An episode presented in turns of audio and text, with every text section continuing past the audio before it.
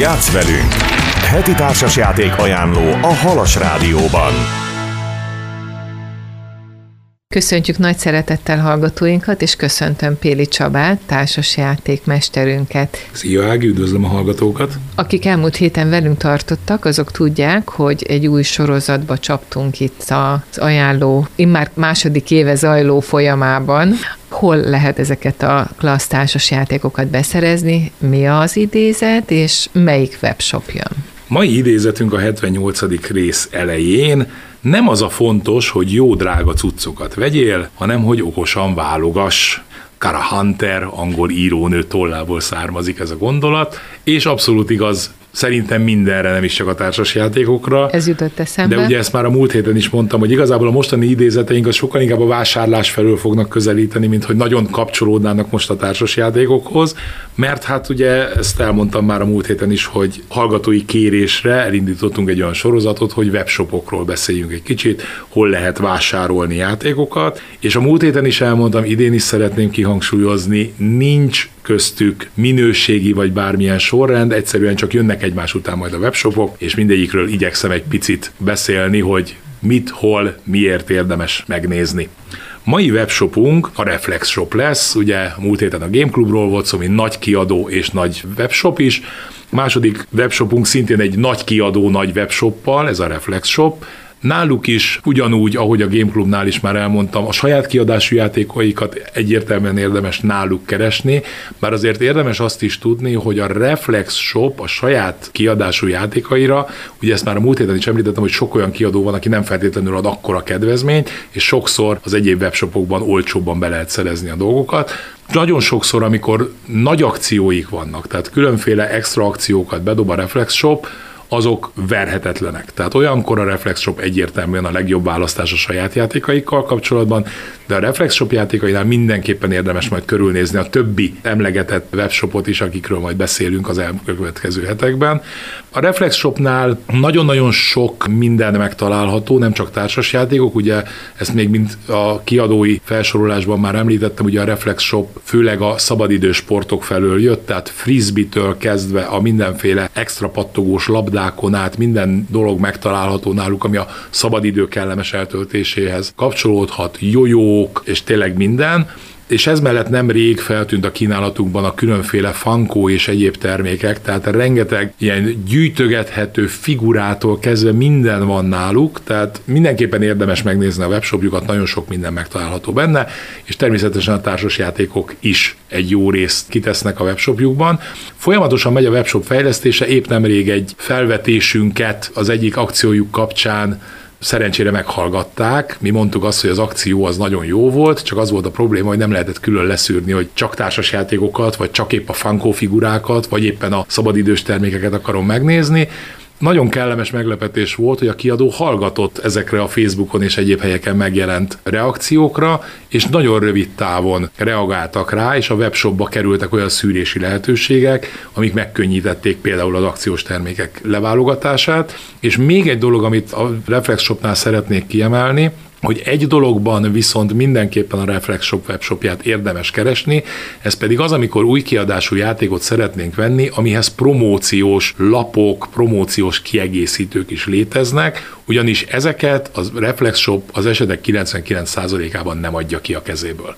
Tehát csak és kizárólag náluk beszerezhetők például a Mars terraformálásának a kiegészítő lapjai, vagy bármelyik játékhoz a kiegészítő kártyák, a kiegészítő figurák, vagy bármi egyéb, ez csak és kizárólag náluk beszerezhető. Tehát ha a reflexcsopos játékhoz promókat is szeretnénk, akkor azt mindenképpen érdemes náluk, és ami nagyon érdekes szokott lenni, hogy főleg az új kiadású játékaiknál nagyon sokszor csinálnak ilyen bundle akciót, tehát amikor összecsomagolnak dolgokat, és például, ha megvesszük az új kiadású játékot, akkor ingyen kapjuk a promókat. Egyébként meg, ha promót akarunk venni, akkor lehet, hogy egy-két-három ezer forintot is ki kellene csak azért a néhány lapért fizetnünk, de ha a kiadás után nem sokkal ezt megvesszük csomagajánlatban, akkor akár ingyen is hozzájuthatunk. Ez volt a Reflex Shop, szintén egy nagy kiadó, Így nagy van. webshoppal. Jöjjön most egy kis zene, és hamarosan jön a négyes fogat, Így konkrétan van. a társas játékok. Maradjanak velünk, folytatjuk Péli Csabával. Játsz velünk! Heti társasjáték ajánló a Halas Rádióban. Jöjjenek a játékok, konkrétan Péli Csaba ajánló robatában vannak. 32. négyes fogat, jól Így emlékszem? van, 32. Úgyhogy informatikusként ez egy komoly szív öröm nekem, hogy a 128. játékot is meg fogom említeni ma. Első játékunkat úgy hívják, hogy Punto. Hát most mondhatnám azt, hogy én azt azért is szeretem, mert az életem első két autója mindkettő egy-egy puntó volt, de semmi köze egyébként hozzá. A Punto című játék Bernhard Weber játéka, akit hát magyar kiadású játékokat nem nagyon találtam az ő nevéhez, de például az Aquaduct és a Burg Appenzell című játékok is hozzáfűződnek, hogyha esetleg a hallgatók közül valaki hallott már róla. A Punto a társasjáték gyűjteményem legkisebb darabja.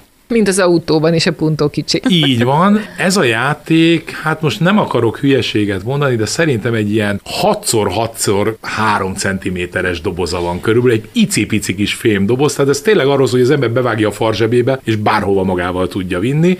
A játékban a doboz méretéhez igazodó pici kis négyszögletes lapkák vannak, amiken különféle pontok vannak, mintha dobókockáink lennének, csak ha jól emlékszem, akkor kilencig vannak a pontok, tehát nem hatig, mint a dobókockán, hanem kilencig, és amőbázunk. Tehát gyakorlatilag lerakom a lapkámat, és ha sikerül nekem négy lapkát valamilyen irányba egymás mellé letennem, akkor nyertem. A különlegessége az a puntónak, hogyha a kezemben lévő lapkákon van olyan pontszám, ami nagyobb, mint egy másik játékos letett lapkáján lévő pontszám, akkor én azt felülírhatom.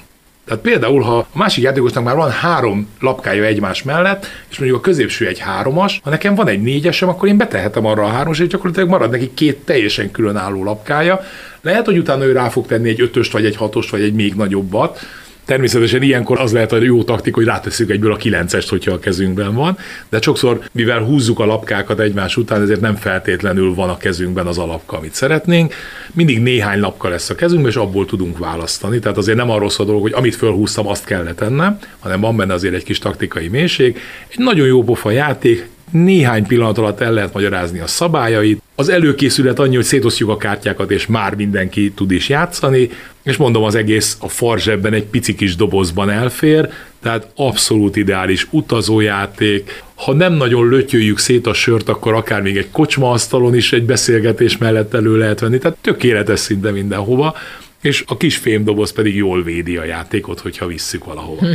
Következő játékunk a Quadropolis című játék lesz. Egy zseniális játék, annak ellenére, hogy egy egyszerű családi játék, és sokan mondják ilyen lekezelően, hogy hát ez csak egy családi játék, egy várost fogunk építeni, egy 4x4-es táblán fogjuk a kis városunkat megépíteni, ami négy kerületre, négy darab kétszer-kettes területre oszlik. Figyelnünk kell a különböző kerületekbe, hogy mit rakunk le. Minden egyes épületnek van egy egyedi pontozása, minden egyes épület termel nekünk vagy embereket, vagy erőforrásokat, közben lesz egy kis szennyeződés is a városban, azt is kell tudnunk kezelni, egy nagyon érdekes játék, nagyon jó pofa, megint csak azt mondom, hogy nagyon gyorsan elmagyarázhatók a szabályai, és amit én ebben imádok, hogy ez volt az egyik olyan első társasjáték, amiben zseniális volt az inzert.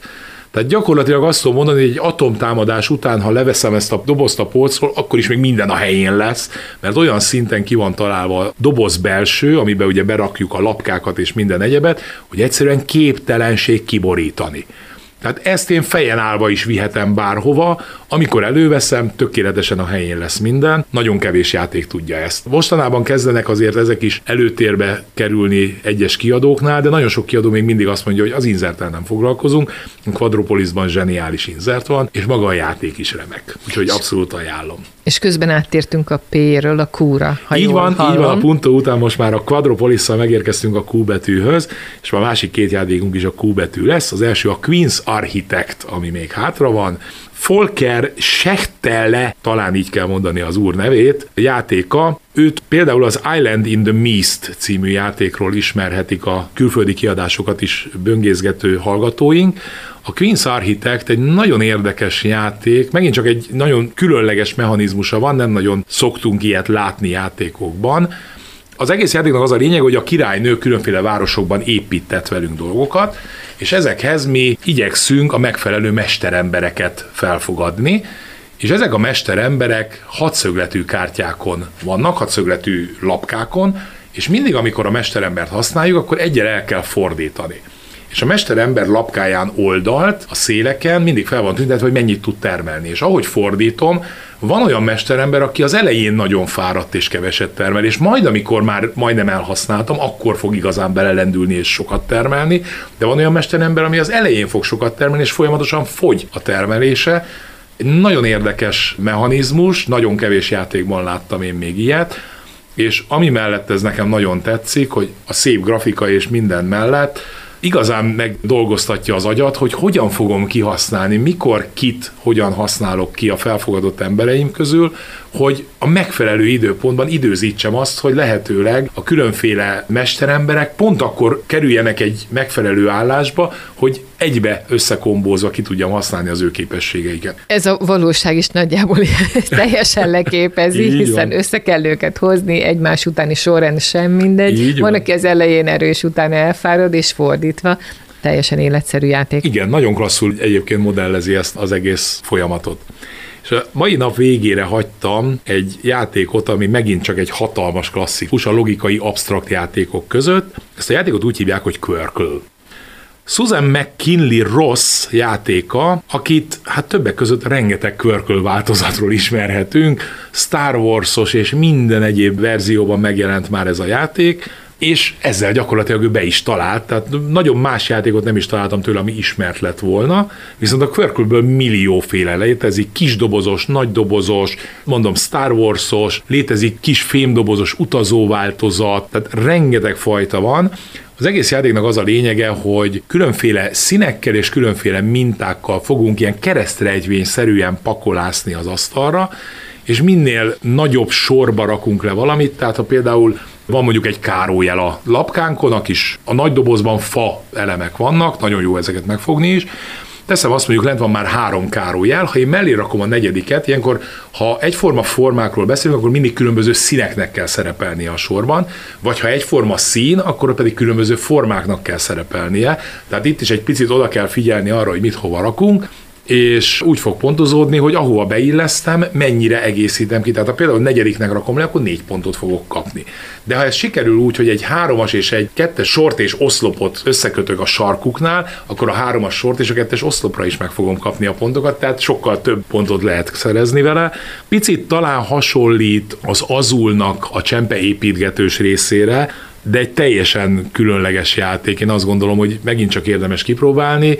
Létezik belőle deluxe változat is, nekem ez a változat van meg. Annyiban deluxe, hogy van benne négy darab sín, ilyen kis fasín, amire rá lehet tenni a kezünkben lévő idézőjelesen dominókat, ugye ezek nem dominók, mert csak egyetlen kép lesz rajtuk egy színnel, de hasonlóan fogjuk ezt is magunk felé fordítva úgy tartani, hogy az ellenfelek ne lássák, mint a dominót.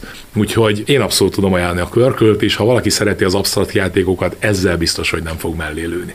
Főleg, hogy ennyire sikeres lett a szerzőnő, és egy számtalan változata elkészült, ez is jelzi, hogy ez tényleg egy olyan játék volt, ami nagyon rátalált a Így játékosokra. Van, és most nem akarok butaságot mondani, de Spiel des Jahres jelölésig talán jutott, de lehet, hogy meg is nyerte. Most Nézzék nem, meg hallgatóink házi így feladat. Van, így van, házi feladat hallgatóknak, igen.